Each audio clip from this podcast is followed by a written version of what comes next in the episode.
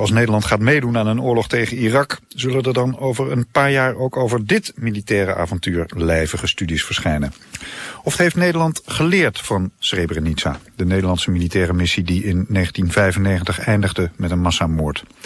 Aan de 5000 pagina's van het NIOT, dat is het uh, Instituut voor Oorlogsdocumentatie, dat het eerste onderzoek naar de missie Srebrenica heeft gedaan, heeft de parlementaire enquêtecommissie Srebrenica er vorige week nog weer honderden toegevoegd. Stof genoeg om eens flink te discussiëren. Maar het blijft stil in Nederland, muisstil.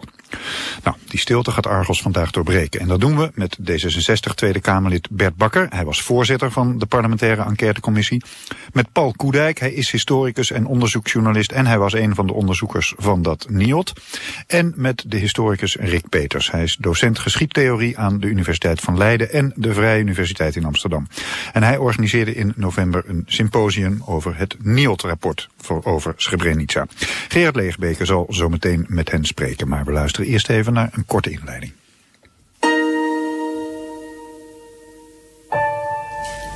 Ten minste 7.500 vermiste moslims. Vrijwel allen omgekomen. Omstreeks 6000 van hen afgeslacht bij massa-executies. Het is de trieste balans van de gebeurtenissen die in juli 1995 volgden op de verovering van de in 1993 door de Verenigde Naties uitgeroepen Safe Area Srebrenica door het Bosnisch-Servische leger. De aard en de ernst van het conflict werden te weinig onderkend. Dutchbed werd uitgezonden voor een vredeshandhavende operatie naar een gebied waar geen vrede was. Dutchbed werd uitgezonden op een missie met een onhelder mandaat. Naar een gebied omschreven als een safe area... zonder dat daar een duidelijke definitie van bestond. Om de vrede te handhaven waar geen vrede was. De commissie heeft zich allereerst gebaseerd op het in het NIOT-rapport weergegeven materiaal... en ten opzichte daarvan maar beperkt aanvullend onderzoek gedaan. De voornaamste meerwaarde, denk ik, ten opzichte van het onderzoek van het NIOT... is dat deze enquête de mogelijkheid bood aan een groot aantal politiek en militair verantwoordelijken in Nederland om publiek verantwoording af te leggen voor hun rol vooraf, tijdens en na de val van Srebrenica.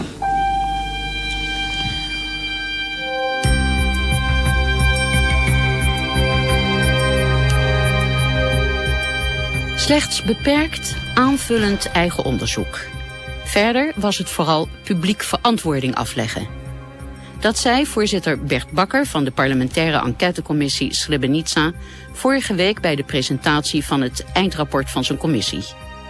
Daarmee kwam een eind aan een periode van 7,5 jaar Nederlands onderzoek naar de val van de moslim-enclave Srebrenica in juli 1995.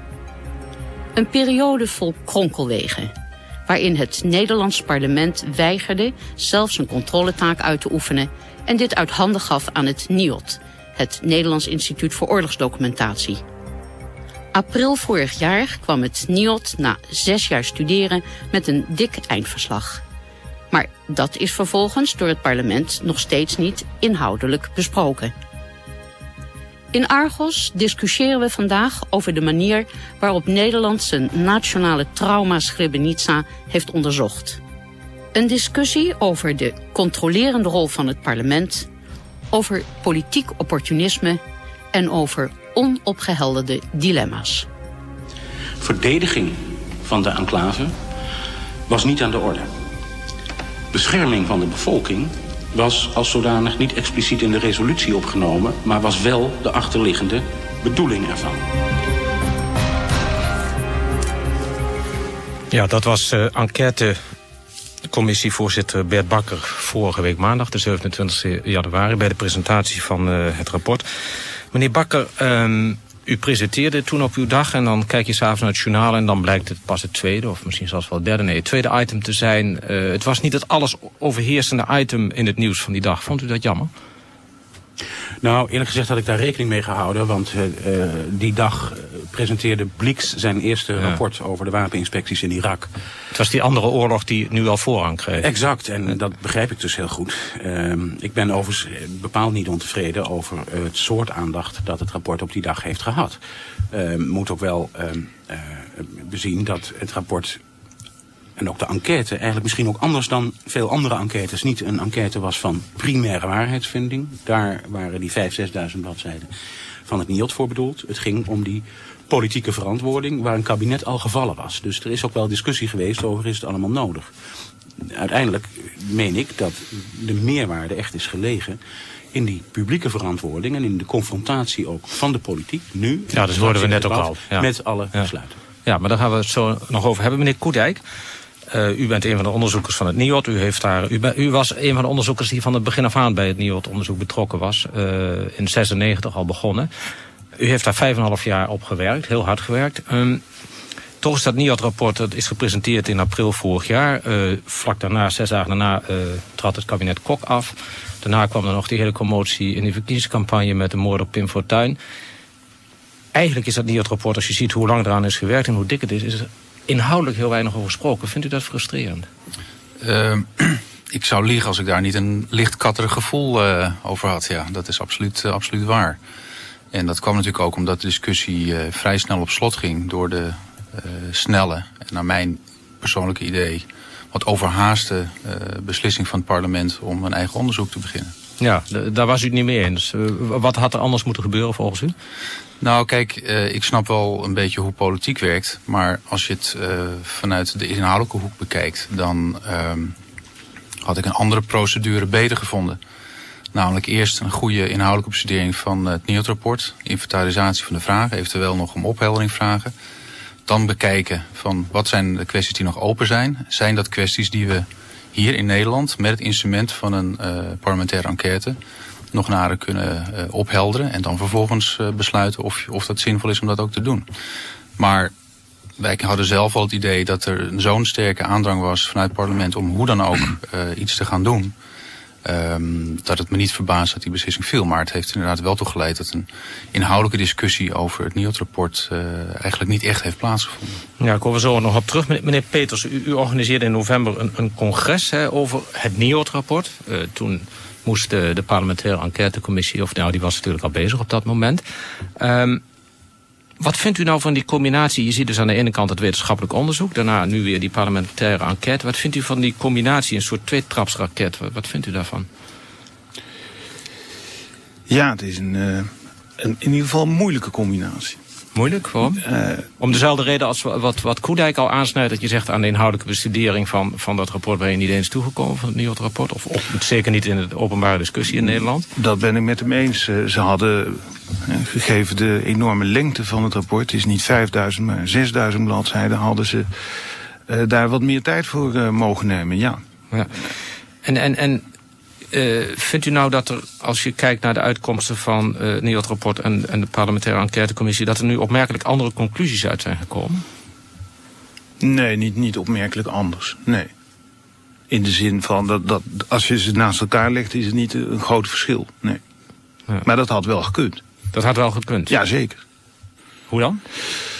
Nou, door uh, het NIOT-rapport goed te bestuderen en met name te kijken hoe, hoe de argumentatie van het NIOT-rapport in elkaar zit. En uh, ja, als je daar kritisch naar kijkt, dan kun je toch niet aan de indruk onttrekken dat het NIOT-rapport ook een bepaalde kant opgaat met zijn argumentatie. Uh, ja, als je dat niet ontleedt, dan loop je eigenlijk in, het voetspoor, in de voetsporen van het NIOT de tunnel in. Ja, ja. Of dat daar op het eind licht is, dat is natuurlijk de vraag. Ja. Daar gaan we zo over verder. Meneer, Bakker, uh, u hoort nu eigenlijk van beide uh, historici hier van... kijk, waarom zo snel? Waarom moest de Tweede Kamer zo snel beslissen tot zo'n enquête? Nou, dat is nog daar aan toe. Maar waarom moest ook de rapportage zo snel gebeuren? Want u heeft het natuurlijk razendsnel gedaan allemaal. Ja, kijk, ik denk dat er in het parlement langzamerhand een geweldige verlegenheid was ontstaan. Um, over de afhandeling van Srebrenica. Um, dat men eigenlijk uh, inzag dat het besluit uit 96 om te komen tot een uh, NIOT-rapportage, hoe waardevol ook hoor, want daar doen wij ook inderdaad weinig aan af, uh, misschien geen goed besluit was. Dat het parlement wellicht toen zijn verantwoordelijkheid had moeten nemen. Nou, we weten allemaal hoe dat in 96 gelopen is. Um, U zegt dus eigenlijk van toen had het parlement gewoon moeten beslissen tot de parlementaire enquête onderzoek. Ja, ja. maar uh, kijk, vijf en een half jaar later kwam dan uiteindelijk dat NIOD-rapport. Het kabinet trad af. Er was dus ook geen kabinet meer om mm, dat NIOD-rapport mee te bediscussiëren. Dan kon je natuurlijk twee routes kiezen. Enerzijds een langdurige, uh, uh, enerzijds een langdurige bestudering van het NIOD-rapport.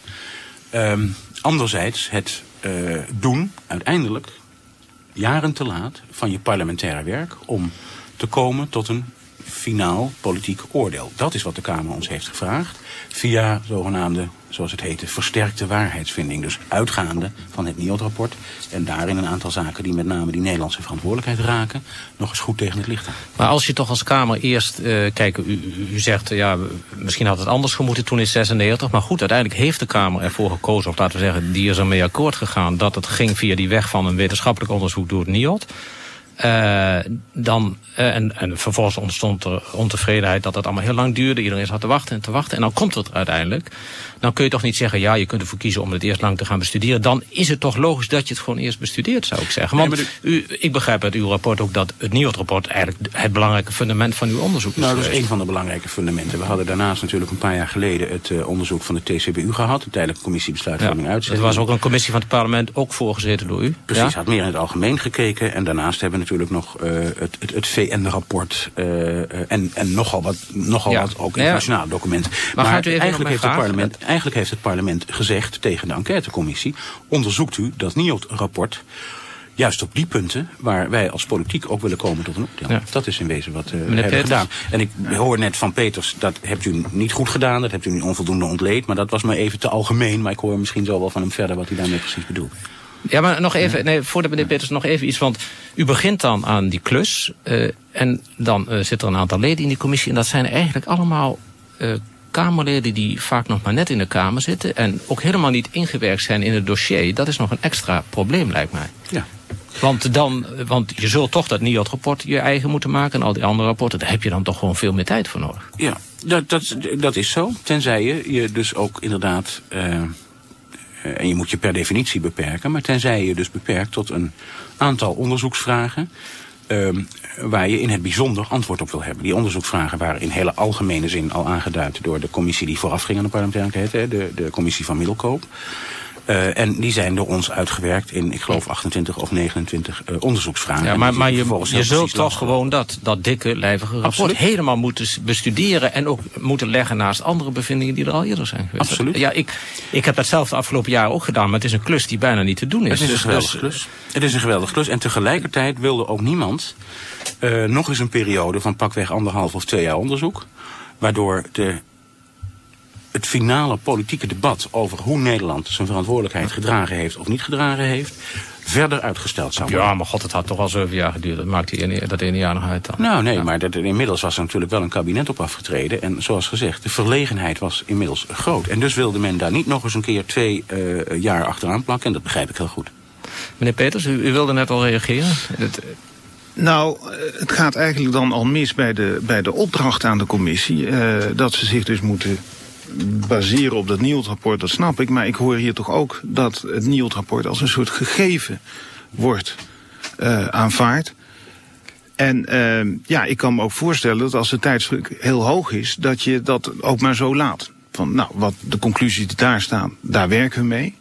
En als je dan nagaat dat, dat vakhistorici en, en daar dan mm, heel lang mee bezig zijn om dat ding te ontleden, dan kun je je afvragen in hoeverre zo'n commissie dat uh, op tijd kan doen. En dus ook het NIOD-rapport ter discussie kan stellen. Daar gaat het om. Dat is, dat, dat is natuurlijk een interessant punt. ja.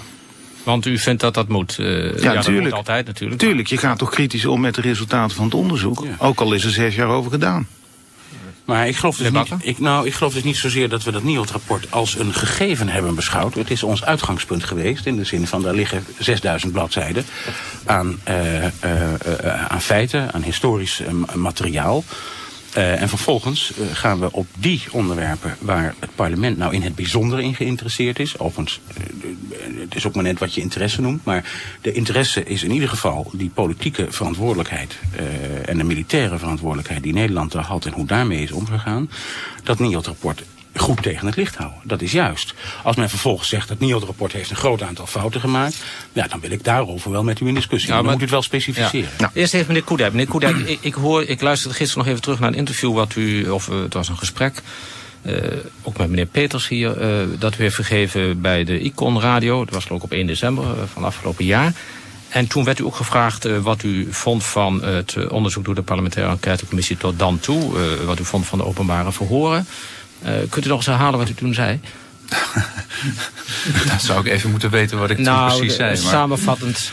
Nou, ik zal iets gezegd hebben in de tand van dat ik niet uh, bijst onder indruk was van, uh, van de openbare verhoren. En vond dat die uh, vaak zeer slecht werden gevoerd en op basis van onvoldoende kennis van het dossier. Ja. Komt dat overeen met wat u gehoord heeft? Ja, u zei er ook nog bij, de eerste, uw eerste reactie was ergernis. En dat legt u ja. toen uit met wat u net ja. zei. Um, nu, nu is het rapport er van de uh, parlementaire enquêtecommissie. Want u nam toen ook nog wel een slag om de arm. Dus uh, ze hebben nog meer informatie. Misschien uh, wordt dat verwerkt en komt er dan... hoe, hoe is nieuwe beoordeling van het rapport van de parlementaire enquêtecommissie? ja, toch een beetje in de lijn van de verwachting. Ik vind het vrij, vrij teleurstellend.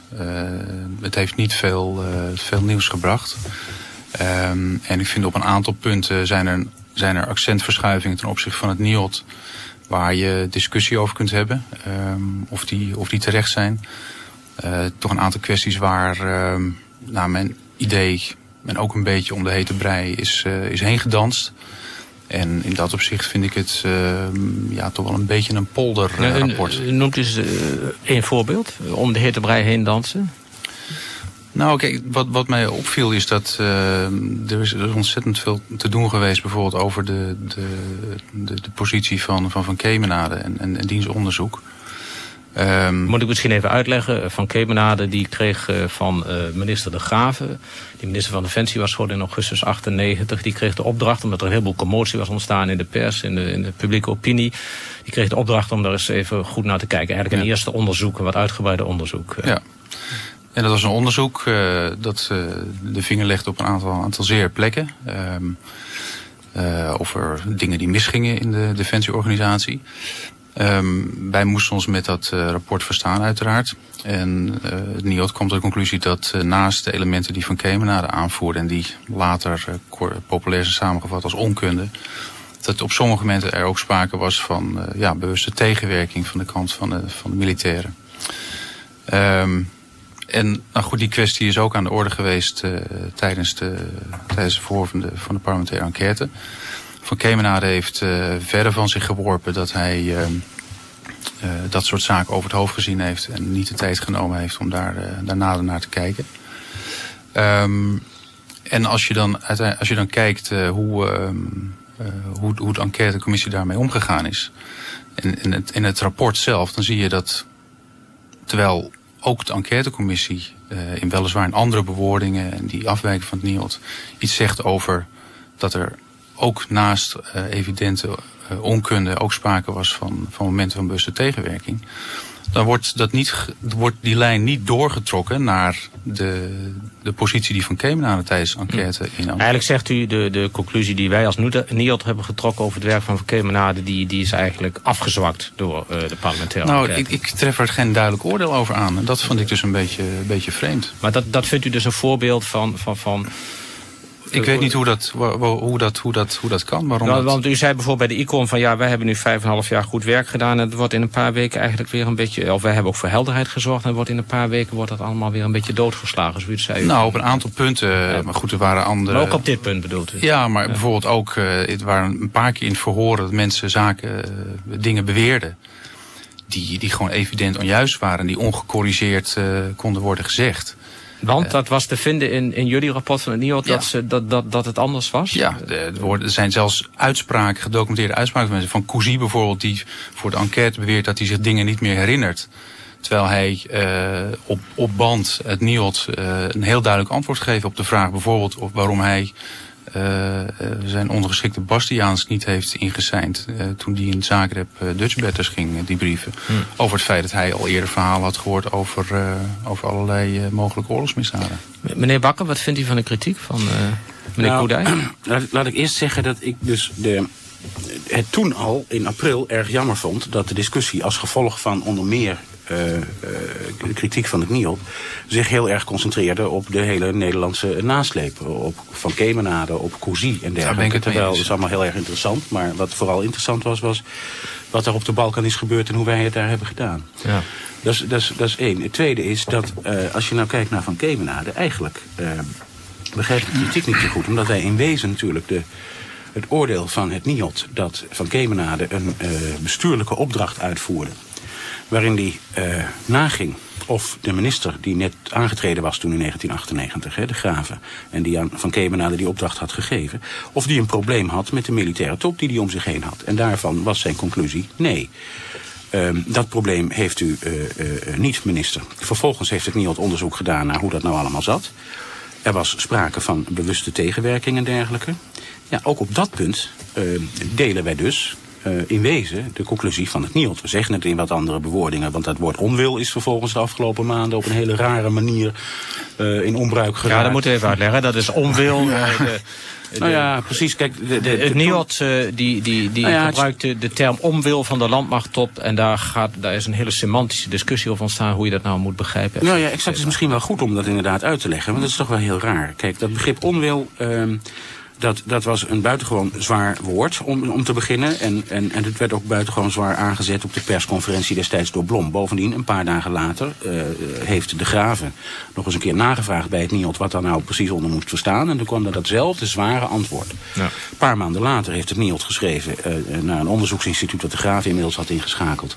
Onwil moet u vooral zien door de uh, wetenschappelijk methodologische bril van de historicus. En we bedoelen er eigenlijk niks arbeidsrechtelijk en strafrechtelijks mee. Ondertussen was Van Baal afgetreden, tot afgetreden gedwongen. Ja, dat was de, de, de bevelhebber van de, dat was niet landstrijdkrachten. En, en, nee, dat was, dat was niet uw keuze, maar dat we zeggen, dat had de hele setting en de hele, de hele toon die was aangeslagen, had daar wel mede aan bijgedragen. En nog weer even later, hè, na dus die bril van de historicus, uh, werd het begrip onwil uh, uh, gedefinieerd als vandalen, gebrek aan goede wil. Ja. Daarvan hebben wij gezegd, nou laten we nou dat woord onwil of onkunde nou maar niet gebruiken. Laten we nou maar onze eigen bewoordingen kiezen. En die zijn buitengewoon hard. Die zijn buitengewoon hard, zij het in het bijzonder in de richting van Cousy. -hmm. Meneer Peters, u, u, zat net al nee te schudden. Ja, het hele verhaal illustreert wat ik net al zei hoe komt die hele discussie op gang? Omdat er een woord wordt gebruikt in het rapport. In het NIOD-rapport? ja, het begrip onwil. Ik begrijp dat het vandaag tegenwerking betekent, maar het heeft ook uh, al twintig andere betekenissen ja. gehad. Nou, wat gebeurt er dan? Zo staat in het rapport. Daar gaat de commissie dan mee aan de slag. Vervolgens uh, uh, worden daar vragen over gesteld. En wat blijkt, er komt een hele, ja, een hele stofwolk rond dat begrip te hangen. Ook omdat de directeur van de NIOD eigenlijk terugtrok uh, een beetje terugtrok van de hardheid van zijn eerste conclusie. Ja. He, en dan, dan krijg je allemaal subtiliteiten erin. En dan denk ik, ja, nou, wat dat betreft is wel goed dat, dat jullie dan nu daar veel harder in zijn. Maar ik, wat ik wil aangeven is, het NIOD induceert zo, hè, het zet de mensen op een bepaald spoor. En of dat dat spoor altijd uh, even duidelijk is, is maar de vraag. Nee, maar ja, misschien, misschien, kijk, wat, wat vooral onze benadering daarin is geweest, is de, dat begrip onwil is inderdaad op meerdere momenten uh, aangepast in de betekenis, zal ik maar zeggen. Daar hebben we dus ook maar van afgezien. We hebben gewoon het materiaal zoals het door het NIOD en zoals het ook door ons via die verhoren. En zoals het vervolgens ook in nog een aantal correspondenties uh, zitten allemaal in de bijlagen van het rapport.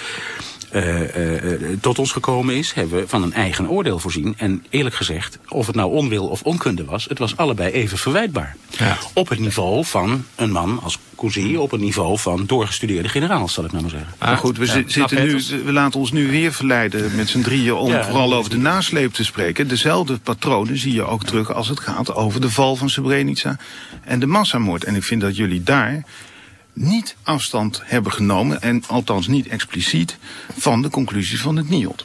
Nou, ja, mag ik daar iets aan toevoegen? Want, ja, want, nou, ik, ik, ben op zich ben ik het uh, heel erg eens met, met Bakker als hij zegt dat uh, de nasleep een onevenredige aandacht heeft gekregen. En dus weer een heel erg Haags Nederlands politiek verhaal geworden. Dus ten koste van de vraag van wat is daar gebeurd en hoe zit het met verantwoordelijkheden daar.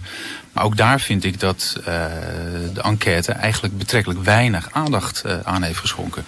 Bedoel, er zijn, uh, ja, voor het Karremans is gehoord, Frank is gehoord. Nou, nog één of twee of drie Dutch betters en that's it. Maar een, een werkelijk diepgaand onderzoek in wat er zich in die cruciale jullie dagen heeft afgespeeld. Wat naar mijn idee best mogelijk zou zijn geweest. Waarbij je die verantwoording en, en, en de hele problematiek van wat ze zich uh, daar heeft afgespeeld ook aan de kijker heel erg goed duidelijk had kunnen maken. Die is naar mijn idee toch, uh, ja, heeft het een beetje afgelegd tegen de aandacht voor al die andere zaken. Ja. De Bakker? De... Ja, kijk, ik vind dat dus niet. Zoals gezegd, wij hebben ons op verantwoordelijkheden geconcentreerd en vervolgens ook inderdaad, als het gaat om tal van elementen uit het NIOD-rapport, ons daar mede op gebaseerd. Wetend dat u dat onderzoek veel diepgaander hebt gedaan en ook kon doen dan wij dat konden doen. Tijdsbestek en opdracht. En dat is niet omdat ik me erachter wil verschuilen, maar omdat die Kamer zo graag via het instrument van die parlementaire enquête wil komen tot een uiteindelijk debat over de vraag hoe hebben we dat nou gedaan. Nou, dan ligt het dus voor de hand dat je je vooral concentreert op een aantal uh, verantwoordelijken. Dat is wat we hebben gedaan en die hebt u ook zien langskomen. Uh, um, dat laat overigens onverlet de vraag wat je ervan vindt hoe we het daar hebben gedaan. Maar daar komen we misschien zo nog ja. op. Nou, nog één even een vraagje tussendoor. Iets wat, wat Koedijk aan de orde stelde en waar u eigenlijk niet op ingegaan bent. Ik heb ook naar die openbare verhoor zitten kijken. En ik moet zeggen dat ik ook af en toe met samengeknepen tenen uh, zat te kijken als er vragen werden gesteld. En dan kwam er een antwoord. En dan lagen sommige doorvraagmomenten, die lagen zo voor het oprapen. En er gebeurde niks mee.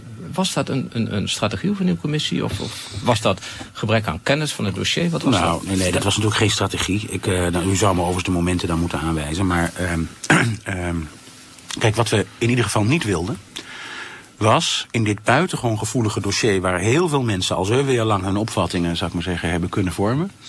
de indrukwekker, dat was parlementaire enquêtecommissie... daar al een vooringenomen oordeel hadden. Dus we hebben eigenlijk heel onbevangen geprobeerd daar te zitten... en te luisteren naar de verhalen. Maar kritisch vragen is, toch, is toch iets heel anders dan een... Nee, maar ik geloof, ik geloof dat dat ook wel is, is, is gedaan. En we zullen best eens een doorvraag gemist hebben. Dat, zal het, dat is mijn punt niet. Maar waar het om gaat is dat we vervolgens natuurlijk wel... datgene wat daar gezegd is, hebben geconfronteerd binnen onze onderzoeksvragen met, dat, met al het materiaal dat er was. Uit het NIOD, maar ook elders. Ja, ik, ik, ik hoor Bakker zeggen onbevangen, maar je bent als historicus strikt genomen nooit onbevangen. En ook niet in een uh, commissie ben je onbevangen. Maar hij is ook geen historicus, hè? hij is politicus. Nou, Oké, okay, maar ook als politicus, als je 6000 bladzijden mogen we hopen tot je hebt genomen, ben je toch niet meer onbevangen.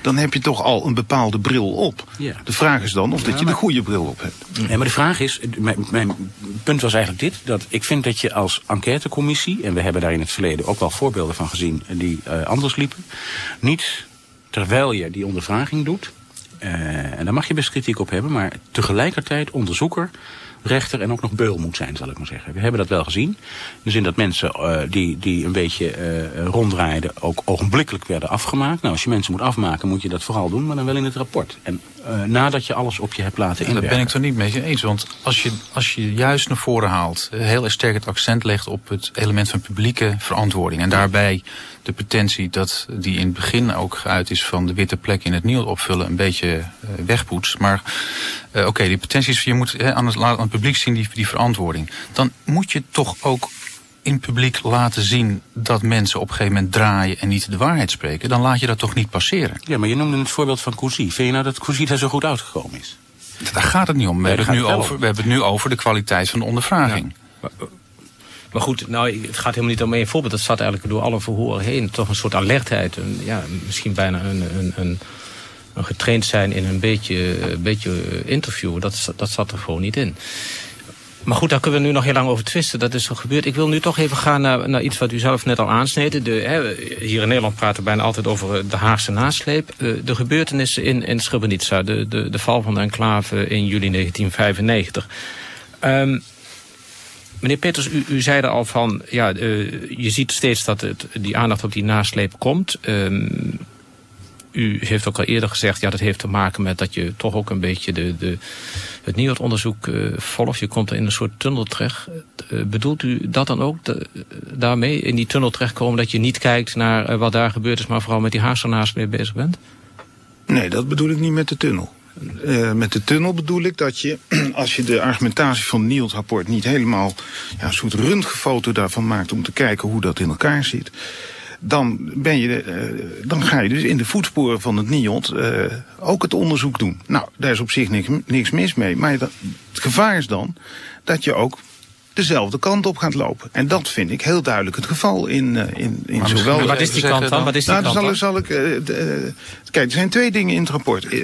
Het gaat niet over de details nou, het gaat over de grote lijn. En over de grote lijn vind ik dat het rapport een bepaalde kant op werkt. Nou, hoe doen ze dat? Dat doen ze op twee manieren. De eerste manier is dat ze in de proloog voortdurend beloven... we gaan kijken naar wat er, wat er precies gebeurd is. En, zo staat er letterlijk, we gaan kijken wat er op ieder moment mogelijk was. Welke opties zo, hè, er waren op een bepaald moment. Als je dan in het rapport gaat kijken, dan zie je dat, het, dat ze dat helemaal niet doen. Al die opties, die worden, uh, of de meeste opties worden niet genoemd. En als er opties worden genoemd, dan worden ze alleen maar genoemd omdat ze er toch niks toe deden. Nou, Wat krijg je dan? Daar zal ik zo een voorbeeld dan van geven. Want het gaat over de kritieke punten in het rapport. Wat krijg je dan? Er was niks te kiezen, uiteindelijk. Nou, zo krijg je die onvermijdelijkheid in het betoog. Op de lange duur. De onvermijdelijkheid dat het moest Oké, vallen. dan zal ik zo een maar, nee, maar wat bedoelt u met die onvermijdelijkheid? De onvermijdelijkheid dat het mis moet ga, moest gaan daar en dat men niks kon doen om dat de men niet anders kon doen dan men kon doen. Terwijl je in de proloog belooft te kijken naar de opties. Ja, doe je dat in, in, op de kritieke momenten in het rapport niet. Nou, als je daar als commissie dan vervolgens dat niet ziet... ja, dan ga je dus met diezelfde onvermijdelijkheid weer een stap verder. Maar die commissie heeft toch ook gekeken naar die, die kritieke keuzemomenten? Nou, maar dat merk ik dus niet. Ik merk niet dat de commissie uh, daar afstand neemt van het rapport. Ja, maar de, de vooronderstelling is dat dat ook zou moeten gebeuren. En dat je, dat je tot een andere conclusie zou moeten komen. Oh, ja, maar dat nou, zou ik dat, dan wel eens dat, willen horen. Dat is, Maar- uh, dat is niet zo vreemd. Ik bedoel, uh, Maar eigenlijk, meneer Koerdijk, wat meneer Peters zegt is nu... nou ja, of dat nou kritiek op de parlementaire enquêtecommissie... Vooral, het is ook vooral kritiek op uh, de manier waarop NIO dat onderzoek heeft gedaan. Ja, nou, ik heb deze discussie na het alles eerder met hem gevoerd. En uh, ik, heb, ik spreek dan eventjes uh, over wat ik, wat ik zelf aan dit rapport heb bijgedragen. En dat, dat gaat over de periode waarin een, een aantal van die, van die keuzes uh, heel sterk aan de orde zijn geweest. En voor mezelf sprekend wil zeggen, wat ik nadrukkelijk gedaan heb, is juist heel goed te kijken naar wat waren de opties, wat waren de, de mogelijkheden. En, vast te stellen hoe, hoe plausibel die waren.